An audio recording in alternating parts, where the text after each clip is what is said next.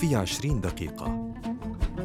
بودكاست راديو الآن. بودكاست راديو الآن. تصريحات الكاظمي والكشف عن غياب الدولة وسطوة الميليشيات.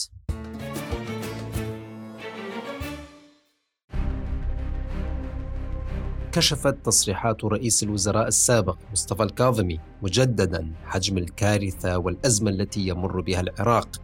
نتيجة لأخطاء الطبقة السياسية الحاكمة حيث أظهرت التصريحات الصريحة للكاظمي غياب قوة وسطوة الدولة على حساب حضور وقدرة فواعل اللا دولة من الميليشيات والفصائل المسلحة التي تورطت بالعديد من عمليات الفساد والقتل والاغتيالات والتي وصلت إلى درجة محاولة اغتيال رئيس الوزراء العراقي دون قدرة الدولة على ردع هذه الأطراف الميليشياوية.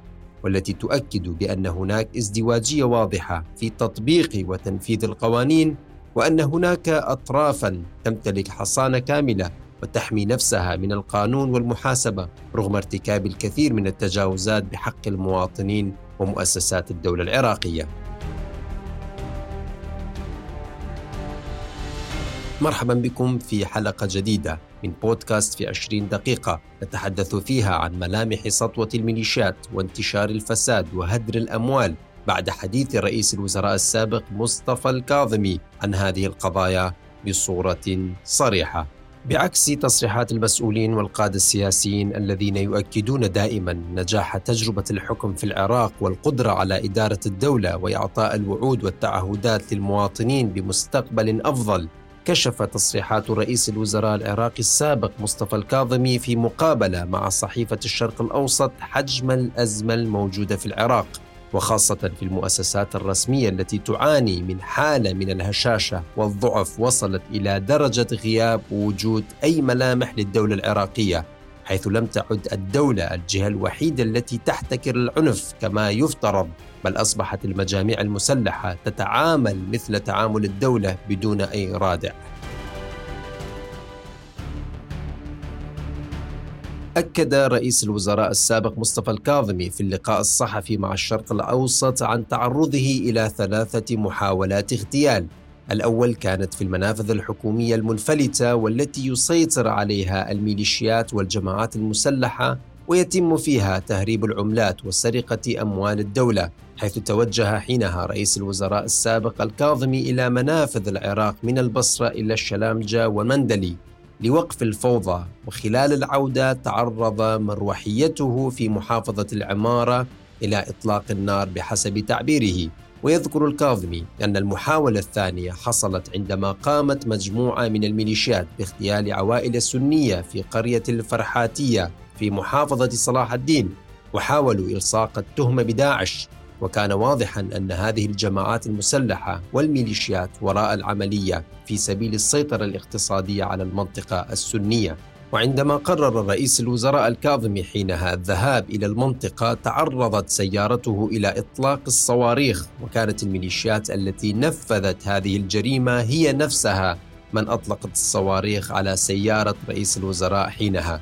بينما يتحدث الكاظمي عن محاولة الاغتيال الثالثة والتي كانت عن طريق طائرتين مسيرتين أسقطتا مقذوفات على مقر السكن الخاص لرئيس الوزراء السابق في المنطقة الخضراء في بغداد.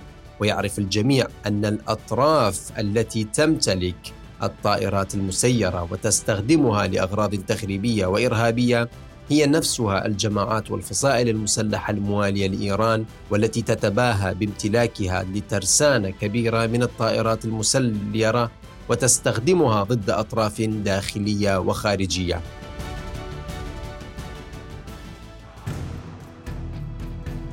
وعلى الرغم من هذه المحاولات المباشرة والواضحة لاغتيال رئيس الوزراء السابق مصطفى الكاظمي إلا أن الدولة لم تتخذ خطوات واضحة أو جريئة للتعامل مع هذه الميليشيات.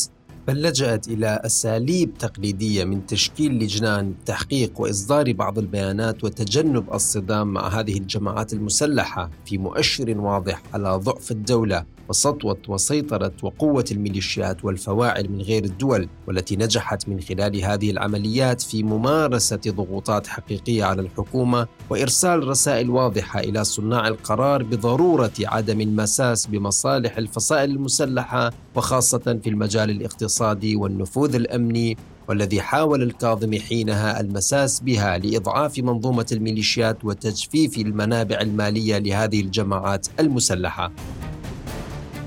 وبخصوص الأموال المنهوبة والمسروقة والتي تم هدرها يقول الكاظمي أن الأموال التي أهدرت تقدر بأكثر من 600 مليار دولار تم إهدارها في السنوات الماضية والحكومات السابقة متورطة بهذا الفساد كما أكد الكاظمي أن هذه المبالغ الطائلة ذهبت إلى أطراف حزبية والاستثمار في بناء الدولة العميقة والاستثمار في المشاريع الفاسدة وكانت تذهب إلى زعماء بعض الجماعات خارج إطار الدولة وإلى بعض الأحزاب على حساب المواطن وذهبت أيضا إلى حروب عبثية خارج العراق مع تأكيد الكاظمي امتلاكه لمعلومات صادمة ومرعبة عن حقيقة هذه المبالغ التي اختفت وكيف ذهبت إلى مشاريع وهمية في تمويل أعمال عسكرية وتأسيس وضع عسكري لجماعات مسلحة في العراق وخارج العراق. ومن أبرز المعلومات المهمة التي تحدث عنها الكاظمي والتي تتوافق مع التسريبات التي نشرت حول ميليشيا أئمة البقيع قيام الميليشيات الموالية لإيران بتنفيذ نشاطات تخريبية وعمليات قتل للمدنيين واتهام تنظيم داعش بالوقوف وراء هذه العمليات ويؤكد هذا الأمر استفادة الميليشيات من بقاء نشاطات تنظيم داعش الإرهابي إضافة إلى استغلال اسم التنظيم لتنفيذ هجمات إرهابية ضد المدنيين حيث يقع العراقيون بين مطرقة تنظيم داعش وسندان الميليشيات الموالية لإيران. ويرتكب الطرفان جرائم ضد الإنسانية بحق المدنيين بينما الفارق الرئيسي والأساسي أن الدولة العراقية تحارب تنظيم داعش الإرهابي أمنيا وفكريا وعسكريا بينما تتجنب محاسبة أو ملاحقة أو مواجهة الميليشيات والفصائل المسلحة التي تعمل تحت غطاء الدولة العراقية وترتكب عمليات إرهابية باعتراف القادة السياسيين. حيث تتغطى هذه الجماعات المسلحة بغطاء الفتوى الدينية وتمتلك حصانة تحميها من المساءلة القانونية أو الملاحقة القضائية مهما ارتكبت من الجرائم أو الانتهاكات بحق المواطنين الأبرياء في العراق.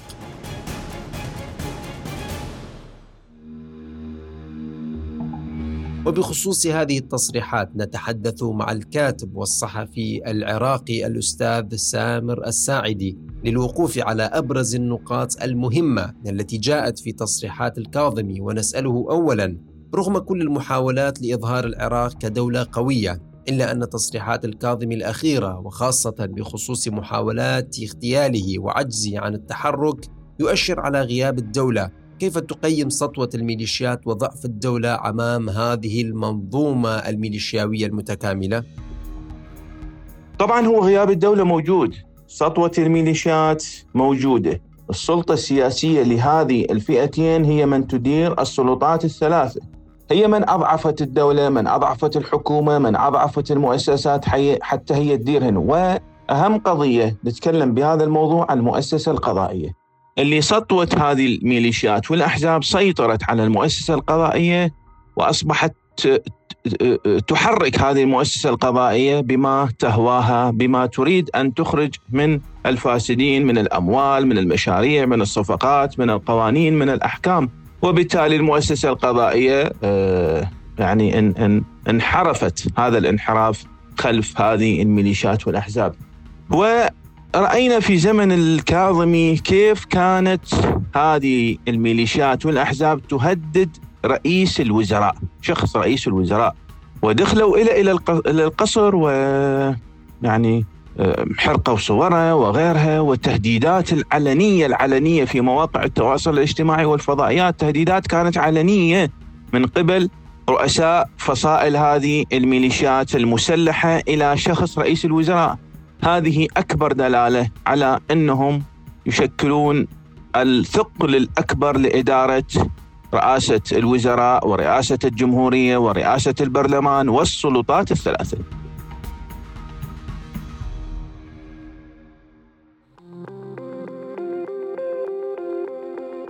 تحدث الكاظمي عن هدر أكثر من 600 مليار دولار ذهبت لتمويل مشاريع فوضوية وعززت قوة أطراف سياسية معينة كيف يمكن استرداد هذه الأموال برأيك؟ وهل توقف عملية الهدر أصلاً؟ الكاظمي وتحدثه عن ال 600 مليار وعمليات الهدر يعني أنا سبق وأن أشرت إلى هذا الموضوع وتحدثت به وخاصة بالرقم اللي ذكره الكاظمي قبل تقريبا ستة أشهر أو خمسة أشهر وذكرت أنه توجد هذه الأموال اللي قيمتها 600 مليار هدر بين فساد بين هدر بين مشاريع. هذه خلص. واستفادوا منها الأطراف السياسية وتعزيز حصصهم وأرصدتهم في داخل وخارج العراق.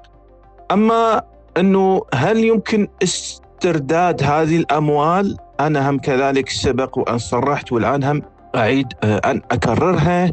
أنه هذه الأموال آه، يجب أن نتعامل معها كالأموات والأموات لا تعود إلى الحياة مرة أخرى. ما الأموال ترجع للخزينة الدولة؟ ماكو. نتعامل معها كالأموات.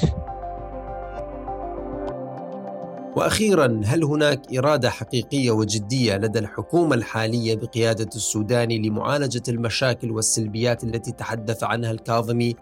أم أن الحكومة الحالية تعمل على تثبيت أركان بعض الأطراف السياسية بغض النظر عن مستقبل الدولة وخاصة مع إصرار قيادات الإطار التنسيقي على التمسك بالسلطة ورفضهم لفكرة أن الحكومة الحالية هي الفرصة الأخيرة لهم.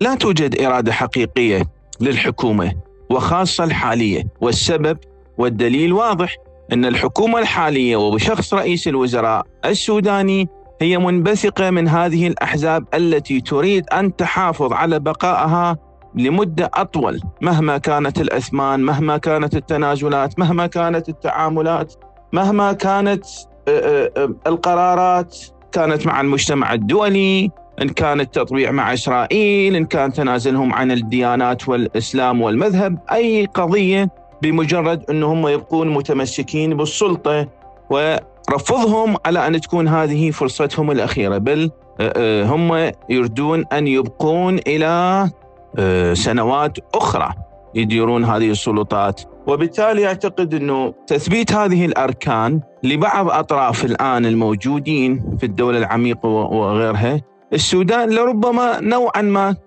تخلخلت في زمن الكاظمي أو في بعد ثورة تشرين. الآن السيد السوداني في أول عمل له بتوصيات من المالكي وخزعلي وعمار الحكيم وهادي العامري وأبو فدك وهذه الشخصيات أن يعيدوا آه، الدولة العميقة بكل أركانها وبقوتها وبقوتها حتى يتمكنوا من إدارة الدولة من جديد. وبالتالي المكون السني والمكون الكردي هم لديهم حصص لكن رئاسة الوزراء والدولة العميقة من يقودها آه، هو المالكي بشخصه ومن ثم دخلوا أطراف على قيادة هذه الدولة العميقة منهم العامري مثل ما أشرت وعمار الحكيم وقيس الخزعلي.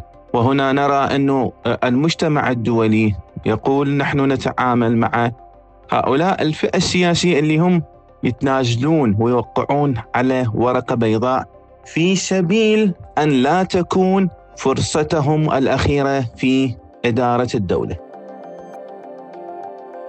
وهناك من يرى أنه لا توجد أي قيمة من تصريحات رئيس الوزراء السابق مصطفى الكاظمي لأنه جاء بعد خروجه من السلطة وقد تحدث وزير الداخلية السابق أيضا قبل فترة عن وقوف جهات سياسية متنفذة وراء عصابات تهريب المخدرات إلى العراق. والتي تتسبب بتدمير المجتمع بصورة تدريجية حيث يرى الكثير من المواطنين أن هذه التصريحات الصريحة كانت مهمة في حال وجودهم في السلطة ومصارحتهم للشعب العراقي بوجود أطراف سياسية تعمل على نشر الإرهاب والفوضى والمخدرات وكشفها للرأي العام وتحريك القضاء والقانون لملاحقة هذه الأطراف بغض النظر عن انتماءاتها السياسية. والسؤال الرئيسي لهؤلاء المواطنين هو سبب عدم الكشف عن هذه التفاصيل الخطيرة عند وجود هذه القيادات في هرم السلطة.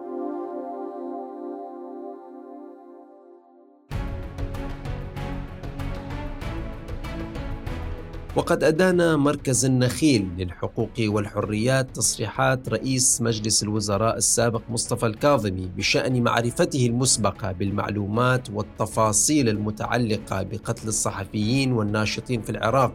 وقال المركز في بيان أننا تابعنا حوار رئيس مجلس الوزراء السابق مصطفى الكاظمي والذي تحدث فيه عن معلومات تخص عمليات استهداف الصحفيين والناشطين خلال فترة توليه رئاسة الوزراء وما قبلها مبينا أن تلك التصريحات ترتقي لإدانته كونه كان يمتلك كل تلك المعلومات والتفاصيل ولم يتحرك بما يمليه عليه واجبه في اعتقال المتورطين أو كشفهم على الأقل. وهو على رأس السلطة التنفيذية والقائد العام للقوات المسلحة. وأضاف البيان أن تصريحات الكاظمي فضلا عن كونها متأخرة فإنها جاءت بعد أيام قليلة من صدور مذكرات قبض بحق بعض وزراء حكومته وموظفي مكتبه ومستشاريه. الأمر الذي قد يفهم منه بأنه يأتي في إطار الصراع والابتزاز السياسي والمساومة بملف خطير وحساس وهو قتل المتظاهرين والصحفيين. ولفت المركز إلى أن الحقوق لا تسقط بالتقادم وستبقى دماء المتظاهرين والصحفيين والناشطين الذين قتلوا واغتيلوا ظلما وغدرا كابوسا يلاحق جميع المتورطين والمستترين والذين يحاولون الابتزاز والمساومة بها. بينما رد وزير الكهرباء العراقي الأسبق لؤي الخطيب على رئيس الوزراء السابق مصطفى الكاظمي بعد حديثه على فساد الحكومات المتعاقبة. وقال في تغريدة على موقع تويتر أن الكاظمي ترأس جهاز المخابرات لمدة أربع سنوات تلتها سنتان ونصف في رئاسة الجهاز وكالة إضافة لرئاسته مجلس الوزراء حيث تجاوزت فترته في أعلى هرم السلطة ثلث ال 18 سنة. التي تحدث عنها هل يا ترى كان يتحدث عن فساد دولة أخرى؟ ربما أتقبل هذا الكلام من محلل سياسي وليس شريكا مباشرا في السلطة بحسب تعبير لؤي الخطيب وزير الكهرباء العراقي الأسبق.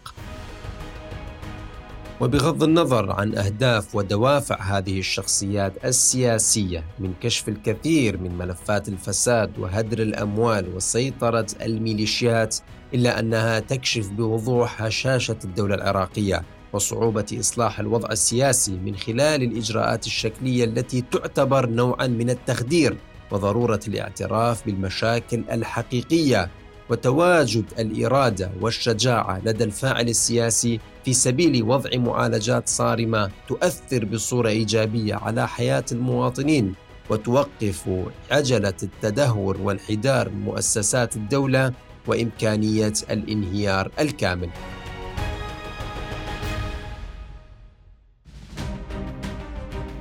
إلى هنا ننتهي من حلقة هذا الأسبوع من بودكاست في عشرين دقيقة تحدثنا فيها عن تصريحات رئيس مجلس الوزراء العراقي السابق مصطفى الكاظمي في صحيفة الشرق الأوسط والكشف عن غياب الدولة وسطوة الميليشيات وانتشار الفساد بصورة كبيرة داخل مؤسسات الدولة العراقية والتي تظهر ملامح ضعف الدولة وغياب المؤسسات التشريعية والتنفيذية والرقابية عن أداء مهامها المفترض أن تقوم به على أرض الواقع ومخاطر هذا التعامل على مستقبل الدولة العراقية.